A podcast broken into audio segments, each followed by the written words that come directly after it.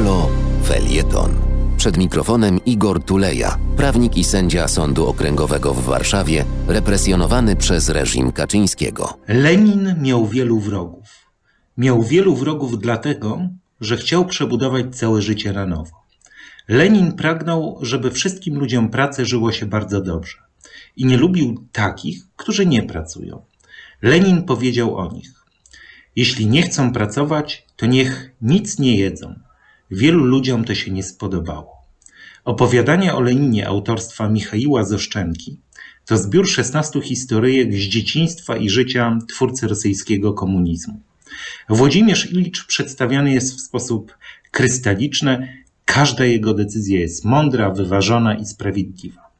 Opowiadania o Leninie były w Polsce bardzo popularne. Traktowano je jako kpiny z wodza rewolucji. Już same tytuły opowiadań mogą wywołać dreszczyk emocji. Na przykład Szary Koziołeczek. Opowieść o tym, jak Lenin się uczył.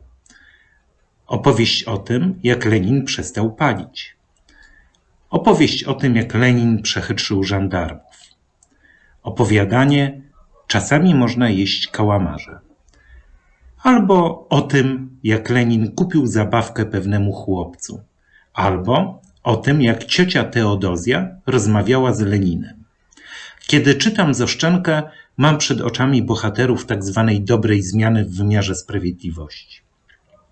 Mianowanych przez ministra sprawiedliwości prezesów sądów, członków Neokrajowej Rady Sądownictwa, rzeczników dyscyplinarnych sądów powszechnych, osoby zasiadające w tzw. Tak Izbie Dyscyplinarnej Sądu Najwyższego, i po prostu tych, którzy dzisiaj awansują. Prawdziwych żołnierzy rewolucji. Inteligentnych, niezłomnych, pracowitych, ale przede wszystkim skromnych. Ostatnio bardzo się wzruszyłem.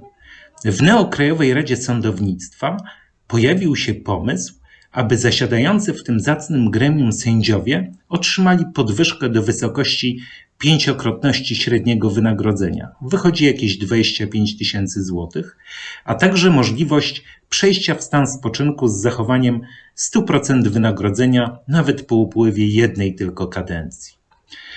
Miałby to być element wzmacniający niezależność organu, wytłumaczył Rafał Puchalski, członek NeoKRS-u. Wzmocnienie niezależności neo-KRS-u to świetny pomysł, ponieważ z pewnością nie jest to organ niezależny. Przypomnę też, że Krajowa Rada Sądownictwa, zgodnie z artykułem 186 ust. 1 Konstytucji, powinna stać na straży niezależności sądów i niezawisłości sędziów.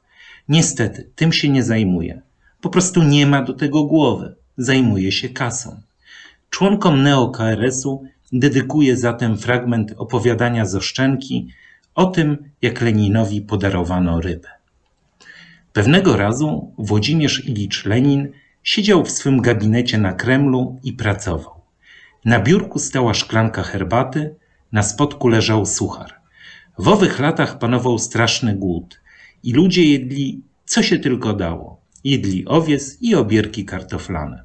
A co się tyczy chleba, to każdy otrzymywał po kawałku na cały dzień.